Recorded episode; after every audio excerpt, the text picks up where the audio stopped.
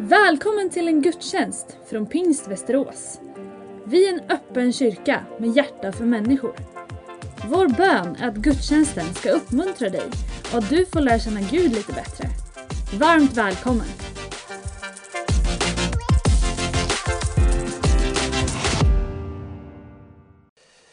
Medan vi står kvar så läser vi dagens bibeltext. Vi är ju i en serie som vi kallar för sund andlighet. Och idag kommer det handla om ledarskap. Ledarskap är någonting som vi alla är berörda av. Vi kanske utövar det eller så blir vi övade på.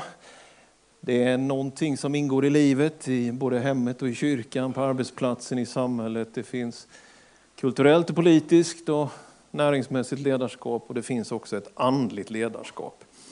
Och därför så tänkte jag att en av de här söndagarna om sund andlighet också skulle kunna ägnas åt att få läsa ett av de kanske mest vad ska man säga, stabila ledarskapsorden som har betytt mycket genom kyrkans historia och se om det kan hjälpa oss idag någonting att eh, vara goda ledare både i det vi tar emot och det vi ger vidare till andra. Så första Petrusbrevets femte kapitel och de första sju verserna i det kapitlet. Det är ju aposteln Petrus. Det är ju bäraren, klippan, Petros, den lilla stenen som Jesus använder för att bygga sin församling. Han är ju på ett sätt den främste bland de första ledarna, men han skriver på ett sätt som ger lite ett annat signalvärde. Så vi läser i tro på Guds ord i Jesu namn.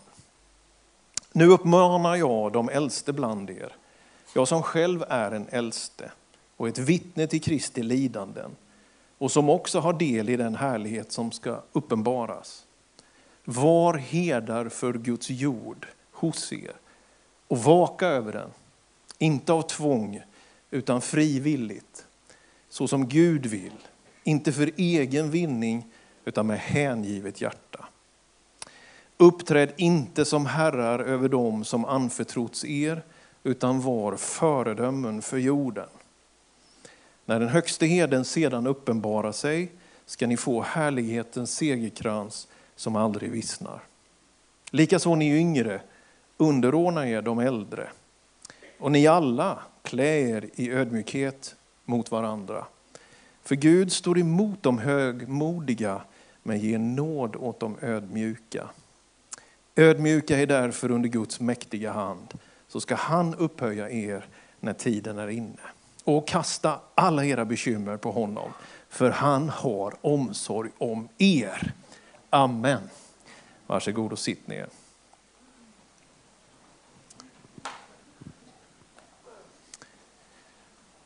blir ju en och annan referens till min far på grund av det här skrivandet jag ägnat mig åt sista tiden. Och min pappa han var äldste i min hemförsamling. Han var väl av den där kärva typen, så när man själv beklagade sig så fick man inte alltid så mycket liksom medhåll och ömkan, utan man fick mer det där, du fixar det, du kan ta ett steg till. Att vara äldste i våra sammanhang är detsamma som att vara en församlingsledare församlingsledarbegreppet och att vara en presbyter eller en äldste som är i fokus här. Det har sitt ursprung liksom i att vara den, kanske inte i fysisk ålder äldst i gruppen, utan den som har andlig mognad och på det sättet är en person som kan vara äldste. Min pappa var en äldste, jag växte upp i ett äldste sammanhang på det sättet. Min pappa han, eh, kan man inte säga liksom att han var den mest briljanta, strålande ledaren i alla lägen. Men däremot så kännetecknades hans liv och tjänst för av väldigt mycket ansvarstagande, uthållighet, trofasthet. Han hade en stabilitet som kom igenom det som var att man bara arbetade sig vidare. Någon har sagt till mig och mina pastorskollegor, om det stämmer vet jag inte, det är så med dig Daniel, du arbetar dig bara igenom alla dina kriser. Ja, kanske det är så. Vad vet jag, det får ni recensera. Petrus han skriver här i eh, avslutningen av det första brevet, som var ett väl nött och läst brev i den tidiga kyrkan. För de var så förföljda och de var under så mycket press att de här orden i hela Petrus texter betydde väldigt mycket. Det var som att höra, kan man säga då, herdens röst eller pappas röst eller den främstes röst. Det var liksom en signal från Jerusalem till de provinser där den tidiga kyrkan befann sig. Så det är tyngd bakom orden när Petrus tar till pennan. Det finns ett starkt etos i det han står för. Nu vet ju vi av berättelsen om den här mannen att det hade ju inte alltid varit så att hans ledarskap eller personlighet hade liksom tjänat saken. Man märker att Jesus får ha rätt så mycket tålamod med honom. Det är många upp och nedgångar, mycket som bryter inom honom själv. Inte alltid han förstår andliga sanningar. Men på något sätt är han alltid där. Det är någonting med Petrus som liknar Josua som var Mose efterträdare. När andra drog och var klara med gudstjänsten så var Josua kvar i tältet. Och det är någonting sånt med Petrus i alla fall.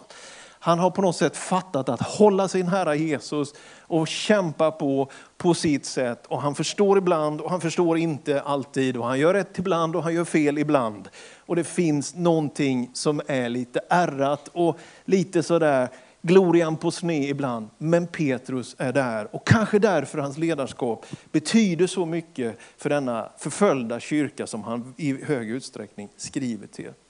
Han identifierar sig med de äldste.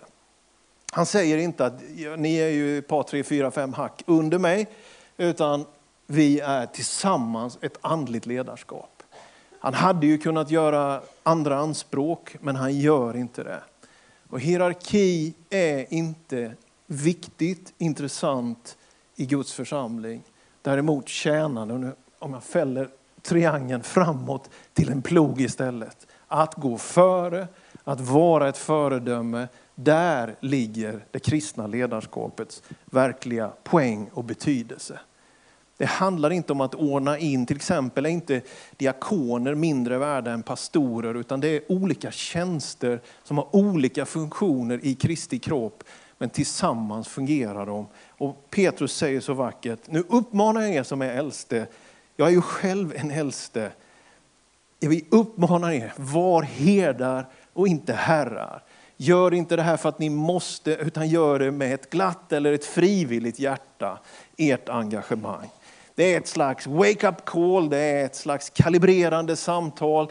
Det är någonting av att få vara med Petrus, inte på de stora estraderna en stund, utan i ett mindre rum där någonting av järn får ge skärpa åt järn. Och han uppmanar sina medledare, gå inte hårt åt församlingen. Slå inte fåren, gör dem inte illa, värna dem istället. Genom den bibliska uppenbarelsen så är herdebegreppet en av de mest klassiska, eller kanske den mest generella bilden av ledarskap. Ledarskapet kan vara apostoliskt och profetiskt, det kan vara evangelistiskt och lärande, men också herdemässigt. Och det är som om det står omkring hederskapet så att det går att applicera på alla olika profiler och personligheter i ledarskap.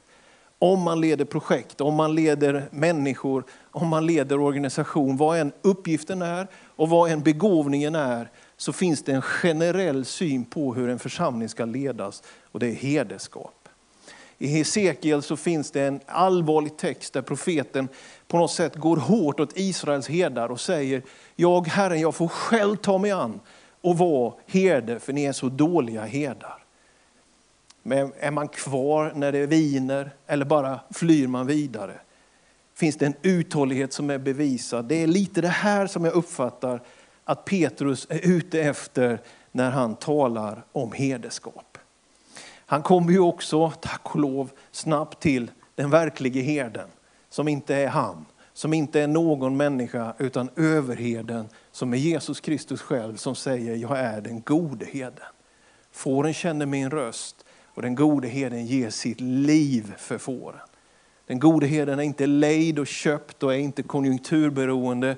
Det är inte beroende på popularitet utan det är något annat som motiverar ett äldsteskap och ett herdeskap. Och jag tänker, kära du som lyssnar på det här, vi behöver det här. Vi behöver en miljö där vi får vara på gröna ängar, för att använda språkbruket från herdeskap och psalm 23. Att bli förda till vatten där vi finner ro, att få vara på gröna ängar där vi kan få vila ut, där vi kan få fyllas för det som är. Det blir så fel i en kyrka om medlemmar är någon slags resurs för pastorn att förverkliga sina visioner. Eller medborgare i ett land är någon slags boskap för maktfullkomliga ledare som ska lyckas med någonting. Bilden som finns både i den här texten och genom Jesu verk på Golgata, det är att han bryr sig om människor, att han vill att det ska gå väl för fåren. Han har deras utveckling i fokus och det är det sunda ledarskapet som inte briljerar och önskar sin egen framgång, men som på riktigt bryr sig om trons utveckling, församlingens utveckling och i det uppstår säkert också ett förtroende och en möjlighet att agera som ledare men det är någonting som har sitt hjärta i den andra. Det är ju grundkursen i all form av ledarskap. Det är att när du går in i ledaransvar, då handlar det inte längre om dig själv. Det är tyvärr det som väldigt många ledare glömmer bort och det har jag gjort säkert många gånger själv också. Men ledaruppgifter och ledaransvar innebär inte att nu är det min, my time to shine. Nej, nu är det gruppen, nu är det fåren som ska växa, få äta sunt och nyttigt och få utvecklas. Så Petrus han, han liksom inleder den här texten med, men jag uppmanar alla som är äldste, jag är själv en av dem.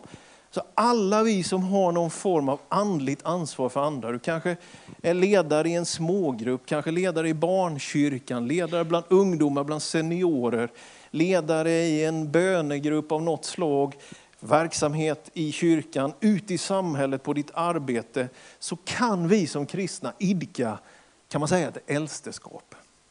Någonting av att bry sig, någonting av att sända en signal, någonting av att inte vilja ta, utan vara den som har med sig någonting till bordet. Den som för till vatten där människor finner ro.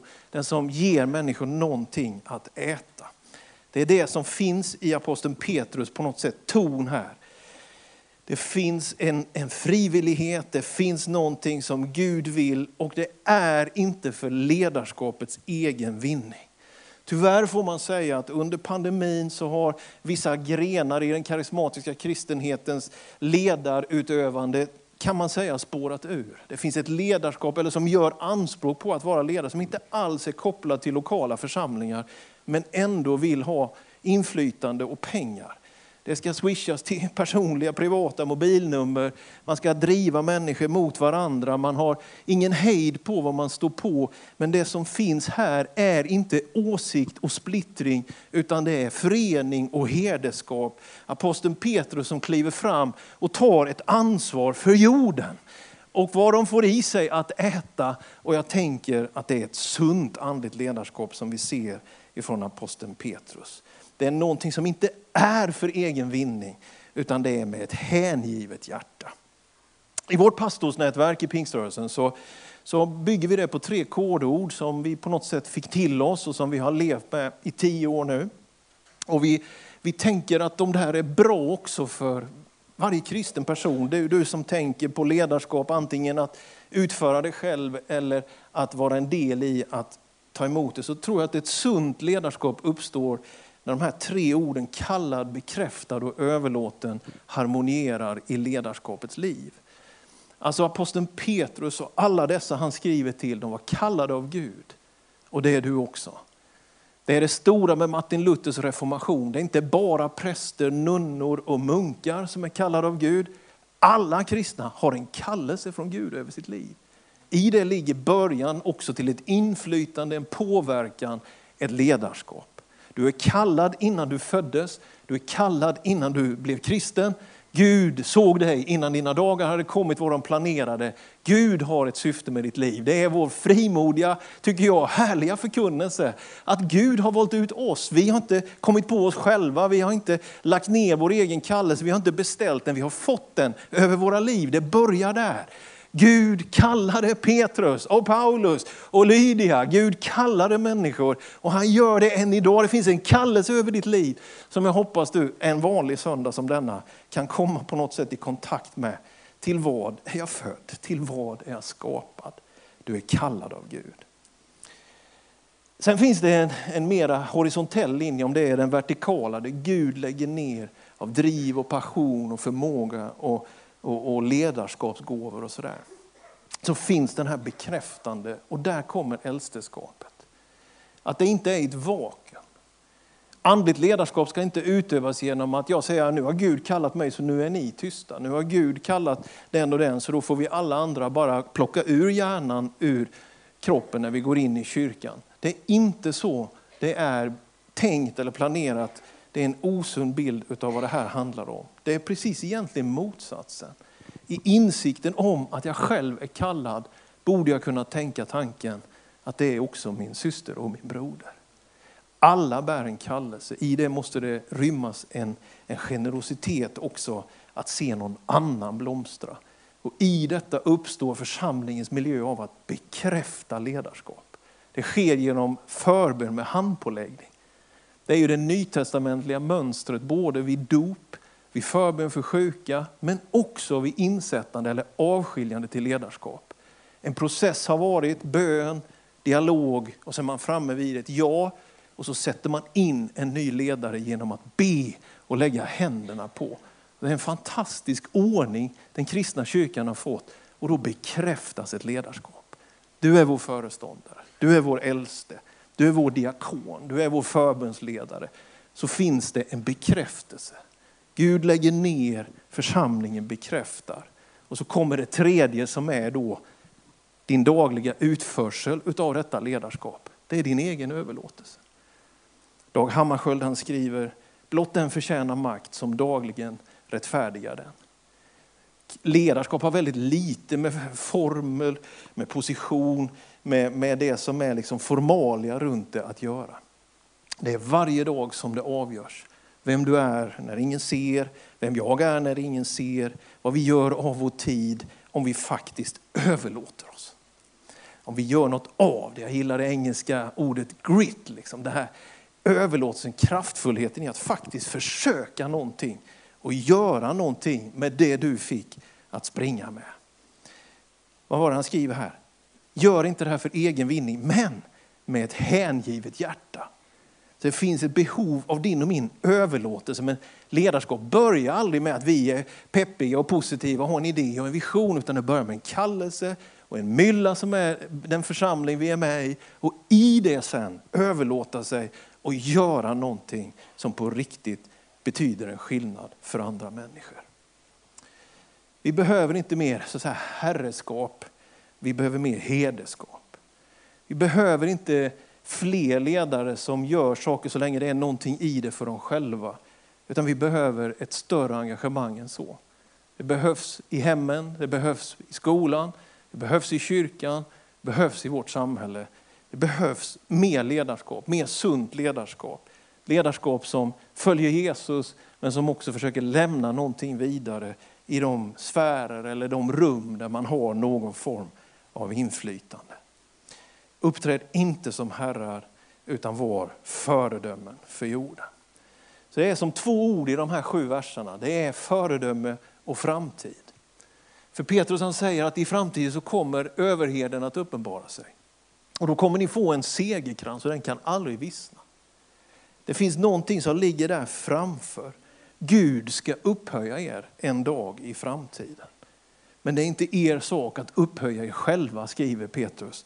Istället skriver han, ödmjuka er alltså under Guds mäktiga hand.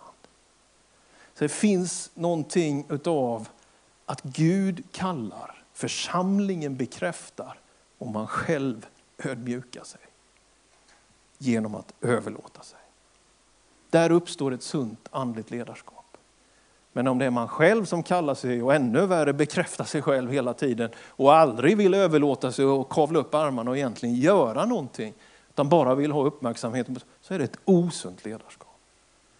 Och inget av det här är väl 100% svartvitt, utan jag tror för alla så, så, så, är det någon slags skala i detta, där vi över tid i livet, olika händelser, kommer lite snett ibland. Och då behövs sådana här texter för att på något sätt kalibreras upp i någonting sundare på nytt igen. Det är hans ära, inte vår uppmärksamhet. Det är att människor ska bli frälsta, inte att vi ska lyckas. Gud har en mission med sin församling och vi är tjänare in i hans stora vision. Amen. Det tror vi är det sunda flödet för oss att leva i. Och så får vi vara ödmjuka i detta. Ordet för ödmjuk här på grekiskan, det, är, det skulle kunna översättas som dumbom. Nu, nu gjorde, gjorde de inte det, bibelöversättarna, och det är väl säkert klokt. Alltså att inse att man inte kan allt. Att förstå att det är kanske någon annan som har upptäckt någonting mer än vad jag har upptäckt. Ligger i ödmjukheten. Om du aldrig behöver en impuls från någon annan så säger det egentligen inte så mycket om de andra utan faktiskt om dig. Den tillslutna liksom brunnen, det fylls inte på någonting. Utan i ödmjukheten ligger ju insikten, vänta, någon annan har tänkt, någon annan har sett. Och det är så vackra bibelord som vi ju läser där det står tillsammans med de heliga så kan vi erfara höjden, bredden, längden och djupet av Guds kärlek. Genom att vi är församling, genom att vi är många, genom att många bidrar, genom att många får höras och vara ledare i olika konstellationer, olika kluster i det som är, så uppstår den där goa ödmjukheten som inte är en utplåning av din personlighet, utan som istället är en frihet av att bara veta ja, men vi behöver varandra och i det här så får man blomstra. Gud, till och med står det här, står emot de högmodiga men han ger nåd åt de ödmjuka. Om du alltid kan och vet, om du alltid har rätt, om du alltid vet hur alla andra borde bete sig, om du alltid liksom är själv din egen måttstock, så påstår jag här, faktiskt med de här verserna, tror jag, i ryggen, då kommer ditt liv att begränsas utav detta. Utan istället finns det någonting av att öppna upp och slappna av och inse sin egen svaghet och sin egen brist. Och sen så märka det kommer någon vid din sida. Någon som ber för dig, någon som talar ett gott ord in i dig. Någon som delar ut bröd och vin till dig. Någon som säger jag ber för dig. Någon som hör av sig, ska du med nu så gör vi det här. Det är det som är det vackra med att vara en församling. Du måste inte fatta allt själv. Du behöver inte orka allt själv. Utan vi lever det här livet tillsammans. Och i det finns det en, liksom någonting som är skönt. Liksom. Och i ödmjukheten ligger såklart insikten om de egna frestelserna och synderna. Ledarskap bär frestelsen till makt, inte minst. Sex, pengar och makt säger man som de tre kardinalfrestelserna och, och det har vi väl många känt av. Nog finns det en frestelse i det. Sexualiteten, pengarna och makten. Men det är sorgligt tycker jag att det är så vi tänker. Alltså, jag, låt mig förklara mig. Därför att sexualiteten är Guds gåva till livet. Med pengar kan man göra mycket gott, man kan hjälpa de fattiga. Och med makt, exousia, Jesus säger att mig har getts all makt i himmelen och på jorden. Med inflytande, med resurser, med förmågor så kan du vara med och förändra livet för andra människor. Josef i Egypten. Paulus när han skriver i första Korinthierbrevet 4, ni ska se på oss som tjänare och förvaltare. Ordet tjänare är galärslag, vi sitter under däck och vi ror i rytm till kaptenstrummans dova slag. Vi har ingen egen vilja, vi är fastkedjade hos Kristus, men vi är också förvaltare. Vi går in i varenda dörr som kan öppnas, vi kommer inte backa någonting för att sprida Guds kärlek till så många som möjligt. Det finns någonting utav en liksom friskhet i den frimodigheten som kommer utav det engagemang som ändå är ödmjukt och som vet om sin svaghet men ändå står på. Petrus är ju ett sådant exempel. Ibland så har jag väl i dystra stunder funderat, pallar man detta? Många ger upp alldeles för tidigt. Projekt som misslyckades. Fick inte med sig folk. Eller man föll för någon frestelse. Jag har fallit för många frestelser. På det här området, andra områden. Men det trösterika att bläddra i sin bibel det är att det fanns sådana situationer även för aposteln Petrus. Tänk på hans förnekelse, tänk på hans hetsiga humör. Att han begick våld. Eller ta Mose. Tänk att han får lämna över budord. Ett av dem är du ska inte dräpa.